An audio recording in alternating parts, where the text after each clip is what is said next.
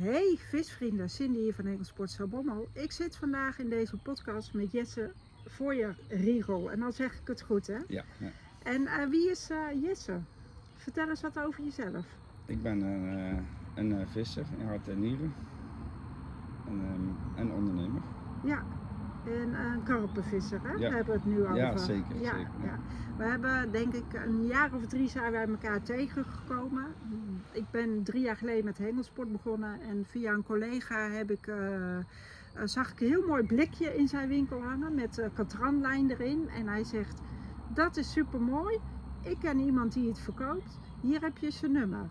Dus ik heb jou gebeld en eh, we hebben een kennismaking gesprek gehad. En wat, wat jij daarin zei, dat fascineerde mij. Jij zegt, ik ga geen klanten zoeken, de klanten zoeken mij.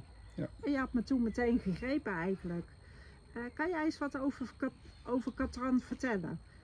Eh, Katran is een merk wat al meer dan 30 jaar bestaat. Het is van oorsprong komt uit Oekraïne. En ehm, de naam Katran komt eigenlijk van een haai af.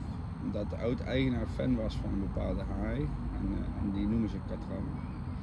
Het is een eh, bedrijf helemaal gespecialiseerd op lijnen. Dus ze doen eigenlijk heel veel ontwikkeling en proberen continu patenten te ontwikkelen. Dat ze voorlopen op de markt. Die verkopen ze dan 10 jaar zelf. En vervolgens produceren ze ook voor heel veel andere grote merken. Dus het wat onder Katran verkocht wordt is ongeveer 15% van de productie. Ah, oké. Het is maar een heel klein stukje. Ja. En eh, waarom sta jij als karpenvisser nou achter Katran?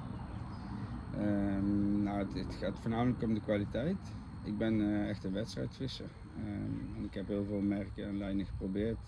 Ehm, maar was toch vaak teleurgesteld over het kinken of over eh, lijnbreuken of onvolkomenheden. Uiteindelijk hebben ze mij in 2016 tijdens het WK benaderd. Ehm, ben ik daarmee gaan testen. En ik kon eigenlijk ja, geen, eh, geen dingen vinden waar ik niet tevreden over was. Dus voor mij was het een verademing dat ik dat stukje van mijn visserij in ieder geval zeker kon houden. Ja, zo is het eigenlijk begonnen. Oké. En vanuit daar is het eigenlijk nog veel meer geworden. Hè? Ja. Eh, jij doet een stukje deception erbij. En kan je daar wat over vertellen? Ehm, ja, ik ben begonnen als, als eh, visser, dan eh, later vertegenwoordiger. En toen hebben we de distributie gaan doen van Katran. En daar zijn weer andere merken bijgekomen, zoals Deception Angling. Dat is een compleet end-tackle merk. Eh, met, eh, die verzamelen eigenlijk bij verschillende producenten eh, de krenten uit de pap. En daar doen ze tot één groot assortiment. En omdat ze het heel groot inkopen, kunnen ze eigenlijk de hele hoge kwaliteit voor lage prijzen aanbieden. En dat past ook wel in lijn met Katran die ook voor een laag prijssegment de hoge kwaliteit aanbiedt. Ja, oké. En dan heb je ook nog een stukje PVA erbij. Ja, PVA is een, eh, een Engels merk en eh, die maken alles zelf, compleet in Engeland. En eh, dat is eigenlijk een onderdeel van een weverij.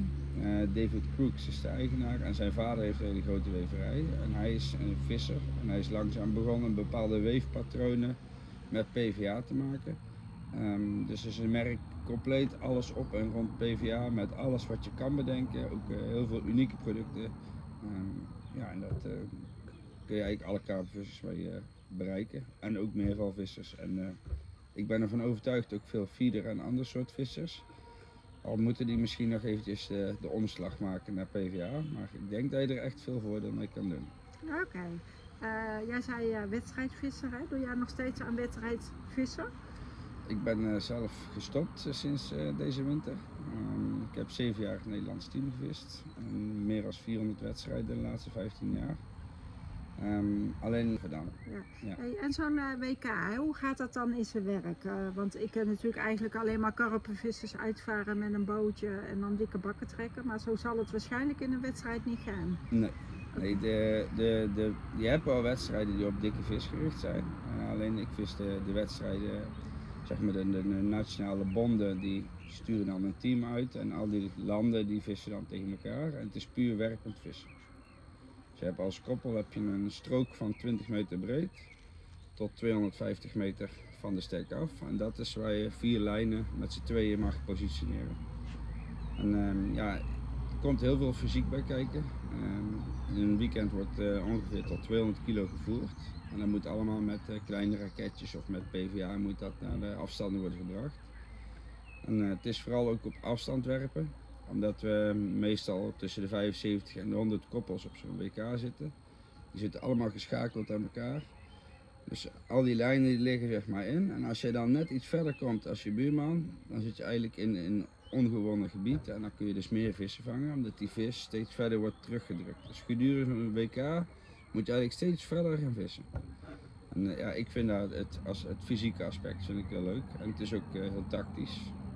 Ja. Wij vissen wel voor kleine vis. Dus het gaat om totaal kilo's. Ah, oké. Dus jij doet liever eh massa als kassa eigenlijk, hè? Dus Ja. snel eh, kleine vissen, dan kom je ook aan je kilo's. Als dat jij misschien drie uur op een hele lange eh, of op een hele dikke vis zit te vissen. Ja. Of misschien duurt het wel zes uur voordat hij wil, want er is natuurlijk enorm hengeldruk op zo'n water. Mhm. En eh, doe jij dan ook eh, snel wisselen? Want ik heb laatst een podcast met Franka gedaan. En als zij wedstrijd vist, dan na twee uur gaat ze eigenlijk meteen tactiek veranderen. Eh, doe jij dat ook? Of nee? Nee, ik, ik start eigenlijk een wedstrijd altijd met, met drie basistactieken. Het kan wel zijn dat ik soms ga schakelen, dat is ook afhankelijk van wat de buren doen. Maar in principe staat mijn plan voor de wedstrijd klaar. En dat komt ook omdat ik elke wedstrijd vier of vijf keer ga trainen van tevoren. Dus ik weet al een beetje wat wel en niet werkt op zo'n water. De voorbereiding is echt heel belangrijk. Ja. En kan jij een heel klein, ik snap dat jij gaat je geheim niet prijsgeven, maar kan jij een heel klein beetje vertellen eh, wat nou een voorbereiding is? En wat, welke tactiek je eh, globaal gaat toepassen? Want ik zou Hmm. zeggen, ik gooi een sponsor in en eh, mijn haaka's erbij en dat is het. Maar blijkbaar moet je ook, denk ik, een bodem aftasten en dat soort dingen. Ja, nou, het bodemonderzoek doen wij vaak eigenlijk al in het voortraject. Zodat zodra de wedstrijd begint, dan weet ik eigenlijk al wat ik ongeveer kan verwachten. En dan ga ik nog wel met een uh, markering of met een pijldobber eventjes precies de, de plek op die stek opzoeken. Maar globaal weet ik wel hoe het bodemverloop is, hoe de vis reageert. En de tactiek die passen we eigenlijk aan op verschillende manieren van, van de vissen, hoe ze azen. Dus je hebt uh, de kleine vissen die echt op het voer duiken, de grote vissen die wat uh, rond de randen gaan, uh, gaan zitten. Um, ja, en daar proberen we eigenlijk allebei een beetje op in te spelen. Dus we, we, wisselen wel van tactiek, maar het zijn wel vaste tactieken. Ja, en heb je dan ook, want iedere dag is anders. Dus de ene keer heb je hoge luchtdruk, de andere keer lage luchtdruk, slecht weer, zonnig weer. Daar reageert die vis natuurlijk ook op. Ja. Dus jij zal daar dus als visser ook op moeten anticiperen. Ja, ja wij proberen sowieso met, met kleur en presentaties uh, een beetje af te wisselen. Uh, ook omdat die vissen het op een gegeven moment gewoon in de gaten krijgen. Uh, en we vissen heel vaak op half of boven in het water met zik. En dat is eigenlijk een, ja, een klein drijvend aasje. Um, waardoor je de, de, vissen, zeg maar, een deel van de vissen aast op de bodem. Um, bijna alle vissen azen in principe op de bodem. Maar ongeveer driekwart van de dag zitten ze op half water of boven in het water. Dat is om energie op te doen van de zon. Of om rond de spronglaag de kleine beestjes en dingetjes uit het water te filteren. Want dat is hun natuurlijk aasgedrag. En daar proberen wij dan ook visjes tussendoor te pakken. En is dat dan elke dag uh, dat zo'n vis dat doet? Of? Ja, dat is eigenlijk een standaard ritueel. Dus dat is eigenlijk meteen een hele goede tip uh, als je wil gaan karpen vissen. Uh, dat je misschien halverwege de dag een zichtje erop moet gooien. Ja, zeker. zeker. En het ligt ook een beetje aan de tijd van het jaar. Um, uh, maar dat, je kan heel vaak, uh, als je bijvoorbeeld altijd je aanbeten op een water s'nachts krijgt, dan gaat er ervan uit dat overdag die vis gewoon niet op de bodem zit. Dus dan zit hij ergens anders. En ga je dan op de bodem vissen, dan vang je ze gewoon niet. Dan kun je het beste aas en het beste richtje neerleggen, maar dan... Nee, dan, uh, dan nee. wil het niet. Hey, en um, jij hebt uh, een keer mij uitgelegd over dat zigvissen. En ik ben daar natuurlijk mee aan de gang gegaan. Uh, het is een uh, en dat drijft dan half water of uh, oppervlakswater. En dat is dan gewoon een stukje plastic wat drijft. En dat pakt dan toch die vis. Ik zou zeggen een hondenbrokje of een lekker hapje, hè? want ik denk dan weer als een mens. Mhm. Maar in feite uh, moet je dan denken als een vis, want die beleeft dan dat stukje plastic heel anders dan dat ik het in mijn handen heb. Ja, Klopt dat? Dat klopt. En vaak is het als je op de bodem vist, dan ga je echt op het aasgedrag. En dan probeer je daarin in mee te gaan, zeg maar, of ze echt op het voer te zetten. En bij het zeggen is het meer nieuwsgierigheid. Een karper is van zichzelf heel nieuwsgierig. Hij komt daar of om in de zon op te warmen, of om achter kleine beestjes aan te gaan, halverwege. En als hij dan in één keer jouw aasje tegenkomt, dan, dan moet hij eigenlijk uit impuls wel eventjes gaan tasten. Wij kunnen het voelen, van is dit iets wat wat eetbaar is. Een karper doet dat met zijn mond. Mhm. En als je dan heel scherp vist, dan, eh, dan kun je meteen prikken. Oké, en eh, zou het dan nog een tip zijn eh, dat ik dat plasticje inspray met een Scopex bijvoorbeeld? Kan, kan, kan, dat ligt een beetje aan welk water het is. Soms werkt het goed en soms is het juist een, een, een anti. Oké, en wa- waarom is het dan een anti-reactie? Het ligt eraan hoe druk het bevist is. Dus, als je bijvoorbeeld een openbaar water of een groot openbaar water is waar weinig dressuur is, dan kan- zou ik wel met een eh flavor of iets gaan werken. Maar is het een put waar heel veel gevist wordt, waar die vis eigenlijk al een beetje argwaan heeft voor alles wat niet natuurlijk is, dan zou ik er juist niet eh, gaan flavoren. Ehm, en misschien ook zelfs in plaats van een foompje een klein eh, een vliegje binden. Net als Ah, het ja. vliegvis. Ja, ja. Oké, Dus proberen, het proberen aan, het- is altijd, voor mij is het altijd of aansluiten in het natuurlijk aas, of helemaal afwijken en proberen te triggeren op nieuwsgierig. ja, ja dat, eh, ik heb inderdaad een podcast gedaan met twee vliegvissers en die gaan ook die natuur, hè, die passen hun aas aan aan wat er uit de bomen valt of wat er op het water drijft. Want ja, dat is die karper gewend om naar binnen te slurpen. Ja. Dus in feite ja, komt dit een beetje op hetzelfde neer. Vaak vang je zo, als je meegaat in het natuurlijk aas, vang je vaak de wat grotere vis. Oké, Omdat dat vertrouwd is en eh, dat pakken ze eerder. En de, de jonge vis, de kleine vis, die zal eerder eh, op attractie aangaan of eh, flavors, kleurtjes. Hey, eh, nou weet ik, jij hebt een, een groot team achter het Katran staan. Hè? Een man of twintig die het Katran-team eh, vertegenwoordigen in de hele Benelux. Ja. Kan jij nou eens vertellen wat zo'n team nou doet voor jou? Ehm, nou, zij laten eigenlijk zien wat voor assortiment we hebben. In onze teams is, eh, die zijn samengesteld uit allerlei soorten vissers. Eh, dus ehm, van kanaalvisserij tot wedstrijden, tot grote meren, kleine putjes, eh, slootjes. Alle typen visserij binnen de karpenvisserij zit, zit in ons team. En daarmee laten we eigenlijk zien wat je met onze producten kan realiseren. Ah, Oké, dus eh, die, die eh, bijvoorbeeld één iemand die heel goed is in het zigvissen, waar we het net over hadden. Mhm. Die gaat het dan helemaal uitdiepen en die gaat er dan ook content voor jullie mee maken, zodat jullie dat eh, weer naar de klanten kunnen laten zien. Moet ik het zo commercieel Ja, on- zien? ongeveer wel, alleen het is eh, iets, iets anders. Ehm, bij ons eh, delen ze eigenlijk wat ze gebruiken. Dus ze hoeven voor ons niet een bepaald product uit te kiezen. Nee. Het is gewoon de selectie uit ons assortiment wat ze zelf graag gebruiken en hun ervaringen die delen ze. Dus er is niemand die een haakje of een lijntje promoot wat hij zelf niet graag gebruikt. Ah, oké. Dus echt eh, ehm, ja, eh, oprecht. Ja, Dat is voor ons heel belangrijk. Ja. Ehm, dat je niet in een bepaald keurslijf zit of een showtje opvoert. eh. oké.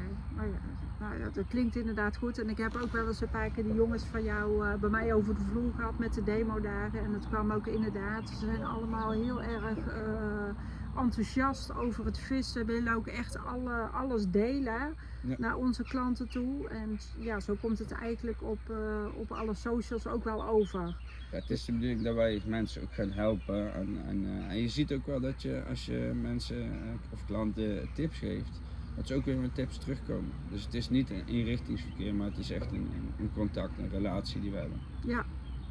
Oké, en jij hebt nou eh, de, de KCC achter de rug. Hè? Eh, ik denk het twee maanden geleden dat dat geweest is. Ja. Dat, eh, een wedstrijd vissen zonder voerbootje. Dus zoals dat jij wedstrijd vist, zo heb je hem ook georganiseerd. begrijp ik eruit. Ja. En wat is daar jouw voorbereiding aan geweest? Om dat eh, te realiseren, want het is niet binnen één dag eh, geregeld. Nee, nee, daar zit veel, Ja. daar heeft veel voet in aarde. Ehm, ja, het begint uiteindelijk gewoon met een idee. Eh, en eh, dat idee heb ik een beetje afgekeken van, eh, van, van de wereldkampioenschappen. En die manier van visserij, ehm, die wordt in heel veel landen zwaar beoefend. Ehm, in Nederland is dat nog niet zo. Nee, nee, het kwam mij ook eigenlijk niet bekend voor. Want Nee. ja, hè, Theo, mijn man, die heeft daar aan meegedaan samen met zijn koppelmaatje.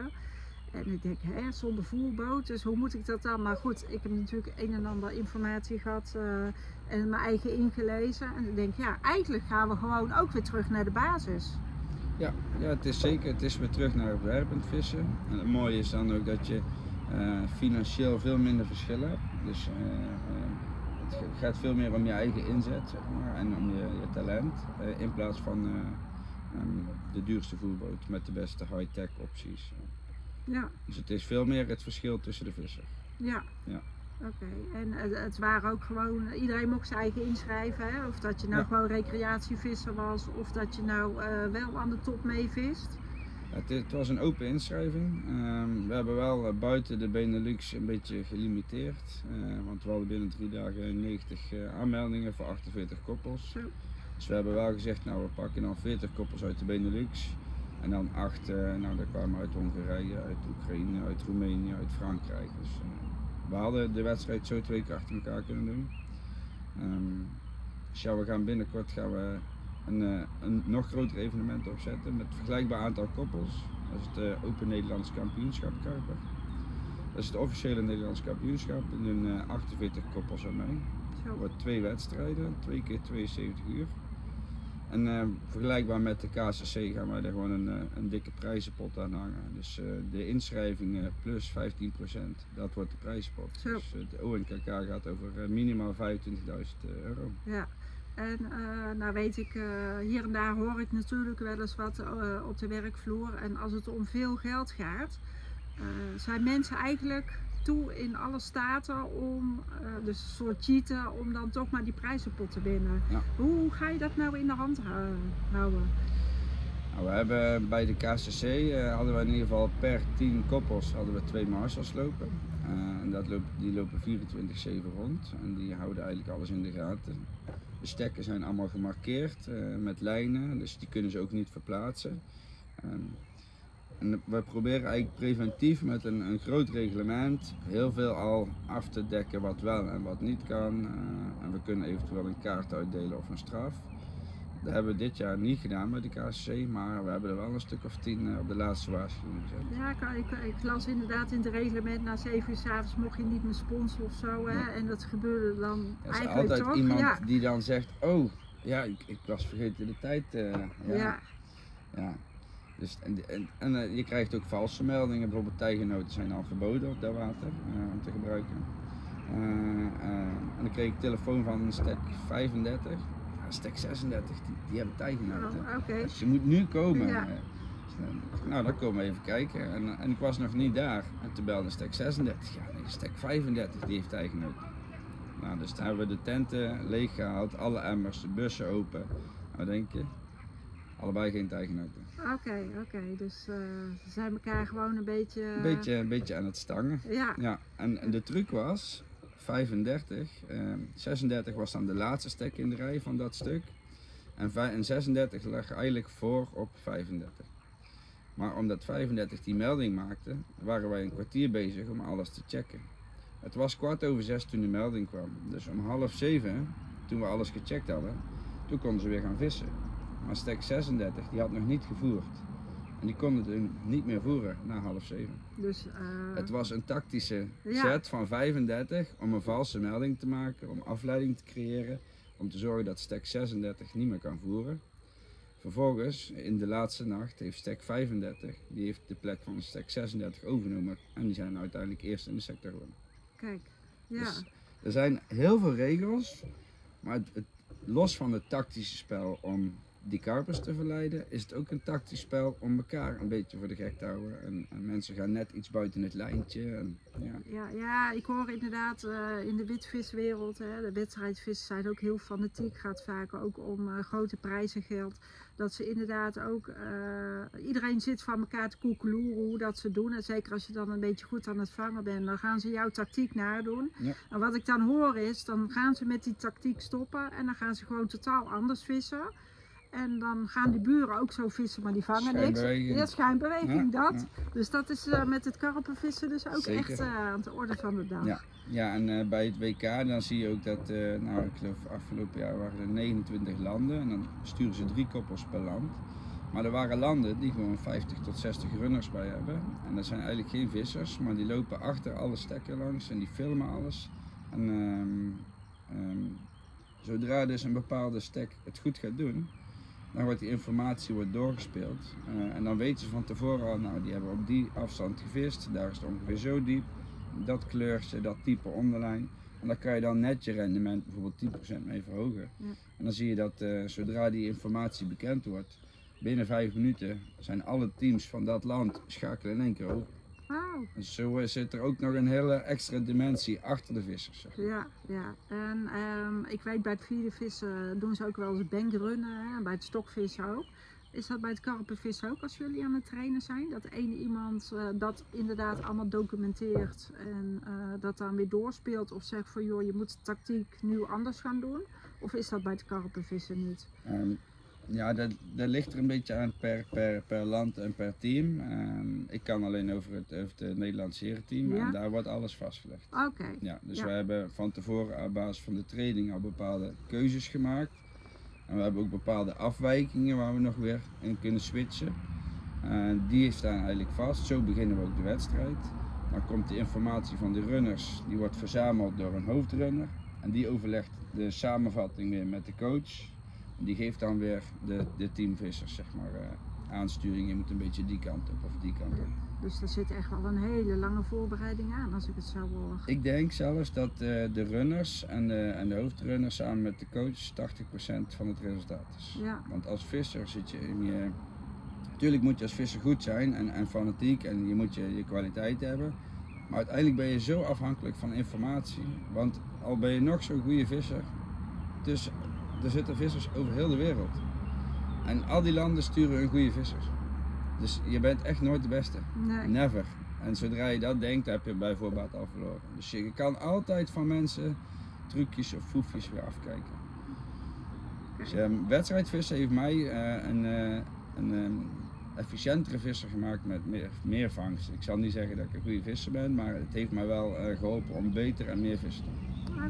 En vis jij ook wel eens gewoon eh, vrij als je ergens nog eh, een vrije tijd hebt in jouw drukke leven? Ja. En eh, ga je dan ook echt met een tentje aan de waterkant zitten of maak je korte sessies? Nee, ik ben wel van de, van de langere sessies, of in ieder geval één of twee nachten. Ehm, die plan ik ook ruim vooraf, want ik heb het heel druk met werken. Ehm, en ik vis vaak ja, op betaalwateren. Omdat ik dan ook mijn eigen stek heb, daar moet ik het doen. En ik vis dan eigenlijk met mezelf een wedstrijd tegen de rest van de vissers. Omdat ik toch daar weer het beste resultaat wil neerzetten ten opzichte van de rest van het water. Dus in feite is het een soort training dan. Ja, het is een eh, Voor hele, jouzelf. misschien gezond of ongezonde Ja. competitiedrang. Ja, daar zit er eenmaal in. Ja, Ehm, het is niet per se dat ik beter wil zijn dan een ander, maar ik wil wel graag het beste resultaat neerzetten. ja. Oké, en dus dan doe je. Ja, nee, ik snap hem inderdaad. En dan ga je eigenlijk ook weer een beetje hetzelfde doen als wat je met de wedstrijd zou doen. Dus je gaat de bodem aftasten. eh, Mm, dan vis ik wel heel anders, eh, omdat ik, eh, dan ga ik voor de grote vissen. Oké, Dus dan wil ik niet de massa en dan kies ik een hele andere strategie. oké. En kan je daar wat over vertellen? Heb je daar nog leuke tips voor? Vaak is de fout. nou, het, verschilt een beetje met openbaar water en betaalwater. Eh, vaak wordt er gedacht betaalwater is heel makkelijk, maar eigenlijk worden die vissen continu belaagd. Dus die zijn continu ook heel voorzichtig. En daarom vind ik de uitdaging daar veel leuker. Ehm, wat vaak heel positief werkt op betaalwater is niet vissen. Dus, dus je boekt bijvoorbeeld eh, een week. ja. Op zaterdag kom je aan en je gaat je plekjes zoeken. Eh, dat kan met voerboot, rubberboot of, of gewoon met gooien. Die stekken ga ik aanvoeren en vervolgens wacht ik tot het maandag of dinsdag is. En dan ga ik heel voorzichtig, heel zachtjes één hengeltje buiten het voer plaatsen. Hoi. Oké. Dus eh, het is, eh, het is Dat, dat, ja, is, dat is een beetje raar, want je, je betaalt voor een week Ja. en dan ga je gewoon drie dagen niet vissen.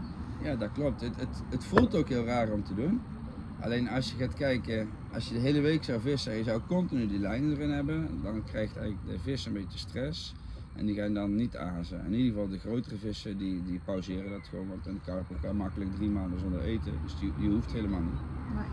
En dan kun je zeggen, nou ja, ik vang dan 10 vissen van, eh van, van 5 of dan 10 kilo. Met al mijn lijnen de hele week in. Of je kiest ervoor om bijvoorbeeld twee dagen niet te vissen. En dan 4 uur te vissen. En in die 4 uur vang je 22 kilo vissen. Dan haal ik mijn hengels er weer uit. En laat ik weer een dag tot rust komen. Dan ga ik weer kijken, nou waar, waar zie ik wat bewegingen. En dan leg ik daar heel voorzichtig weer, heel zachtjes een, eh, een haakje neer met een aasje. Ja, en zo kun je die grote vissen verleiden. Want dat is wel waar, eh, waar je op een betaalwater voor komt. Ja, en dan eh, zit je dan alleen op zo'n betaalwater of met mensen waar jij gaat? Of zitten er dan nog meer mensen op zo'n betaalwater? Want nou doe jij heel voorzichtig, maar stel je Mhm. voor dat ze aan de overkant alles kapot gevoerd wordt. Perfect. Hoe meer, hoe beter. Laat die vis maar komen. Oké, Het moeilijkste is eigenlijk als je alleen op een water zit. Ja. Eh, eh, omdat je dan, ehm, stel dat je de ondiepe zones wil gaan bevissen, dat je lijnen door het hele water verspreid zijn. Ehm, terwijl als je vaak gewoon onder de eigen kant gaat vissen en het water openlaat en van de andere kant ook vissers hebt zitten, dan stuwen ze eigenlijk de vis naar je toe, want die blijven bij de lijnen weg. En zo kun je toch die vis te pakken krijgen. Ah, Dus vaak is het beter om op een druk water te zitten. Dus eigenlijk anticipeer jij met, met het vissen in jouw vrije tijd op wat er aan de overkant gebeurt. Ja, zeker. En, en het effect wat het op de vis heeft, althans wat ik verwacht. De, Ja. de- het mooie is van vissen, er is niks absoluut. Dus er is geen strategie die altijd werkt. Er is geen gouden boilie die altijd de beste is, of de beste haak in alle situaties. Eh, het, het verandert een beetje. En het, het gaat erom, ben je een goede visser als je daar goed op kan inspelen. Ja. En eh, Qua karper dan, ja, ja, moet ik zeggen. Want ja, ja, ik vergelijk karpers altijd een beetje met, met, met honden. Als je wil dat die hond terugkomt naar een bepaald plekje, of dat hij gaat zitten als je zegt zit, en je geeft hem een koekje, een beloning. De volgende keer als hij komt en je zegt zit, dan gaat hij heel graag weer zitten. Want er er zit een positieve beloning achter. En dat is met karpers een beetje hetzelfde. Als je bijvoorbeeld een hond roept en je zegt zit, en je zou hem een, eh, een tik tegen zijn neus aangeven, waar je absoluut niet moet doen, maar theoretisch. Ja, Die hond gaat nooit meer zitten voor jou. nee, Want zodra die jou ziet, al is het drie jaar later, die ziet jou en denkt, ja, maar jou ken ik nog wel. ja, Eh, en bij die karper is dat precies hetzelfde. Als jij op een bepaalde stek met een geel balletje continu met een gele boilie aan het vangen bent, dan ga maar wisselen. Want die slimmere vissen, die hebben al lang in de gaten, die pakken dat gele bolletje niet meer. Want daar wordt iedere keer een vis op gehaakt. Dus dan kan je kiezen voor een ander kleurtje of een ander vormpje. En eh, stel je voor dat jij nou eh, dat gele er wel in hebt en jij hebt het vijf uur en er gebeurt helemaal niks. Eh, ga je dan ook weer van tactiek wisselen of heb jij vertrouwen in wat je doet? Mm, ja, ik ben, wel, ik ben wel een wisselaar. Oké, En dat kan soms na een uur al zijn. ja? Ja. En waarop baseer je dat dan, dat je na een uur moet wisselen? Ja, ik, eh, als ik het idee heb dat de vis zich niet vrij beweegt in het water, dus niet zich laat zien, eh, aan de oppervlakte draait of ergens dat er een beetje stress komt, dat het te stil wordt, eh, dan krijg ik een beetje jeuk en dan denk ik, nou, ga ik wat anders proberen. Bijvoorbeeld, als ik met twee hengels vis, ehm, dan voer ik bijvoorbeeld rechts twee stekjes aan en ook links twee stekjes. Dan ga ik op rechts vissen en dan is links eigenlijk een voorgevoerde stek, waar niks gebeurt, geen lijn in ligt. Die vis kan daar gewoon aas op nemen en dan een heel vertrouwd gevoel krijgen. Hè? Want die hond gaat zitten en dan krijgt een koekje. Hij ziet die boilie en hij kan het eten zonder gevaar. Als ik dan hier geen beet krijg, na twee, drie uur is die andere plek is al veel beter geworden. Want daar hebben vissen al een positief gevoel kunnen krijgen. Dan leg ik mijn lijnen daar naartoe. En ondertussen wordt die plek ook weer beter. En zo ben je eigenlijk continu, ook al zit je op dezelfde plek, ben je je stek aan het verbeteren. Oké, ja, dat, eh, bij het commercial vissen eh, heb ik zelf ook gedaan. Hè, met stokvissen maak je ook drie plekjes aan. Hè? En dan Ja. ga je van plekje naar plekje. Dus eigenlijk is dit een beetje hetzelfde. Heel Zolang- veel, heel veel zolang ze-. Ja, precies. Ja. Eh, zolang ze azen, blijf je op die plek. En is, ja, is de activiteit weg, dan eh, vis je weer naar de andere plek eh, toe. Dus Ja. zo moet ik dat een beetje zien. Ja, en dat is ook met de wedstrijden op kleine vis. Dan ga je gewoon zorgen dat je continu kleine beetjes aas brengt. Dat je ze niet vult, maar wel eigenlijk aan eh, getriggerd houdt om, om iets te gaan pakken. Dus eh, dan doen we om de, met de stopwatch. En dat komt ook uit de, uit de vierde visserij of uit de witvisserij. Wis, Ah, witvisvisserij. Ja, klopt. Ehm, en daarmee, eh, wij voeren dan 24-7 om de 5 of om de 10 minuten. Dat is afhankelijk van hoe een water erop reageert in de trainingen. Welke frequentie dat we eigenlijk zoeken. Ah, Oké, en ehm, nou ben ik deze week eh, zelf een beetje aan het karpen vissen geslagen. Ik word eh, toch wel heel enthousiast met de karpenvissers waar ik al de Mm. podcast mee gedaan heb. Ik kon niet helemaal bevatten in een tentje aan die waterkant en dat. Hè. Dat was een beetje mij. Maar ja, nou heb ik tussen maandag een, een dikke beer getrokken. Vandaag mijn PR getrokken. Dus ik heb Mhm. een nat pak eh, gehad van Theo. En nou begin ik wel een beetje te begrijpen inderdaad eh, hoe leuk karpenvissen is. Want je bent al heel lang met je voorbereiding bezig. Ik heb eh, al een paar dagen van tevoren gevoerd, net wat jij zegt. Hè? En nou ja, dan pak ik dus ook die dikke karper op die voerplek. Ja. Dus ja, dat is ontzettend gaaf eh, om zo te doen. En ik doe dan graag ook kantjes vissen, want daar wil ik dan naartoe. Hè? Mhm. En dan eh, pak ik een wekkelerdobber en dan heb ik wel onder een, een Ronnie richter op zitten met een wafteltje. Mhm. En dan zie je ook aan jouw dobber van hé, hey, dat- er gebeurt wat onder water.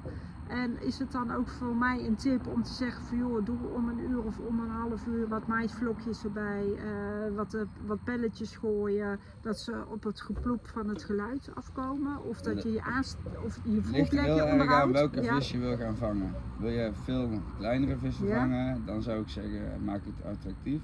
Eh, wil je wat grotere vissen vangen, zou ik zeggen maak je plekje aan en geef hem dan rust. Oké, oké, dus dan maak je gewoon één grote voerplek aan, Ja. rust. En dan ga ik er buiten vissen. Want grote vis vangen, persoonlijk vang ik liever niet op de voerstek. Oké. Dus ik ga echt buiten mijn voer, En 5 hoeveel- tot 10 meter. Oké, nou dat is, want hij cruist toch over die bodem heen. Dus hij is als een stofzuigertje is hij, heeft hij die voerplek opgegeten, moet ik dat zo zien? En dan vindt hij Mm. jouw eh, pop-upje, bolietje of net wat Nou, je hij, hebt? hij zal wel zeker de voerplek vinden. En hij zal ook eh, de, de, het rumoer wat de andere vissen die daar gewoon volop duiken, Ja. zal die opmerken. Ehm, maar die vis die heeft vaak al een hoop wat negatieve ervaringen met vissers. Ja, want hij Dus- is inderdaad wat groter, dus heeft wat meer levenservaring. hè? Ja. En dan neemt hij allemaal mee in zijn overweging, ga ik dat aasje pakken of niet. En eh, er zijn ook best vissen die eh, ehm, er gaan klapperen met hun staart om te kijken wat er allemaal wegwazemt en wat niet. Oh, nou, die is dus fout. En dan eten ze de rest, heel je stek eten ze helemaal leeg. Maar jouw, jouw haakje laten ze liggen. Nou, als je dan zo'n stek hebt aangemaakt en er ligt geen haakje, dan krijgt hij eigenlijk de verlaten voerstek illusie. Dus hij ziet dat al die kleine visjes erop duiken. Hij kan daar misschien rondzwemmen, maar er liggen helemaal geen lijnen of iets in. Dus hij voelt zich helemaal veilig. Ja? En die grote vis gaat toch vaak wat de, de, de randjes een beetje oppeuzelen. Ja, en dan helemaal aan het randje buiten de voerstek, daar ligt dan het richtje. Hij weet dus eigenlijk, eh, als er een voerstek is, dan eh, zou daar wel wat gevaar in kunnen zitten. En Ja. daarbuiten niet. Juist, want een 99% van de vissers voert toch op, vist toch op zijn voer. Ja, Want waarom zou je daar voeren en ergens anders gaan vissen? oké.